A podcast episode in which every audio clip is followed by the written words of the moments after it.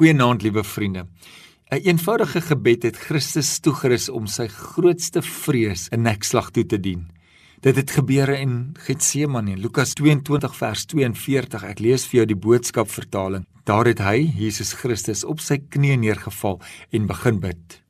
My Vader, kan U nie asseblief U planne verander sodat ek nie meer die pad wat vir my voorlê hoef te loop nie? Is daar nie dalk 'n ander uitweg nie? Maar ek probeer nie nou self allerlei planne maak nie. Maak u die planne. Ek val daarby in. Wat 'n voorbeeld om te volg. Praat met God oor daardie aaklige, hardnekkige skelms, daardie goeters in jou binneste wat jou pla. Noem hulle by die naam. As jy jou bekommernisse in woorde sou kon uitdruk, dan ontmasker jy hulle eintlik. Hulle lyk dan nie meer so angswekkend as wat jy gedink het hulle is nie. Dis onsporig om elke vrees voor God oop te vlek, voor hom te noem, want bekommernisse skief vir die kollig. Noem al jou vrese by die naam in jou gebede, sukkelende geldsaake, stikkende verhoudings, haglike beroepsake, wankelende veiligheid. Maak jou kop skoon, lê jou bekommernis voor aan die Here. Lukas 1 vers 37 Niks is vir God onmoontlik nie. Nog 'n mooi Psalm in 147 vers 5 sê: Die Here is groot en magtig. Sy kennis is onbegrens.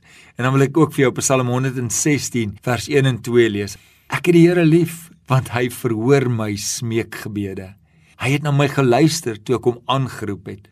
Elke goeie gawe en elke volmaakte geskenk kom van bo, van die Vader wat hemelligte geskep het. Dit staan in Jakobus 1:17. Wat sê is mooi met jou deel wat ek eendag raak gelees het. Hy sê sê nou maar Bill Gates was jou pa en jou rekenaar gee die gees. By wie sou jy gaan aanklop met vir hulp?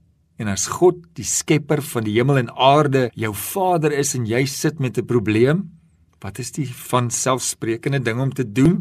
En dis mos dan nie wensdenkery nie. God raak nie ontstel nie. Jy kan hom nie pla nie.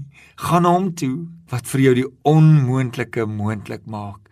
En die onmoontlike is vir hom kinderspeletjies. Een van my gunsteling verse is in Efesiërs 3 vers 20 en 21. God is so magtig en sterk. Juis met daardie krag werk hy ook in ons. Hy het dinge vir ons gedoen waaroor ons nie eers kan droom nie. Hy verdien daarom al die eer wat die kerk hom kan gee, veral as ons dink aan wat Christus Jesus vir ons gedoen het. Almal moet hom so eer. Hebreërs 2 vers 11 sê dit is Jesus wat sorg dat mense na God toe gaan. My liewe vriende, mag u 'n wonderlike nag hê. Amen.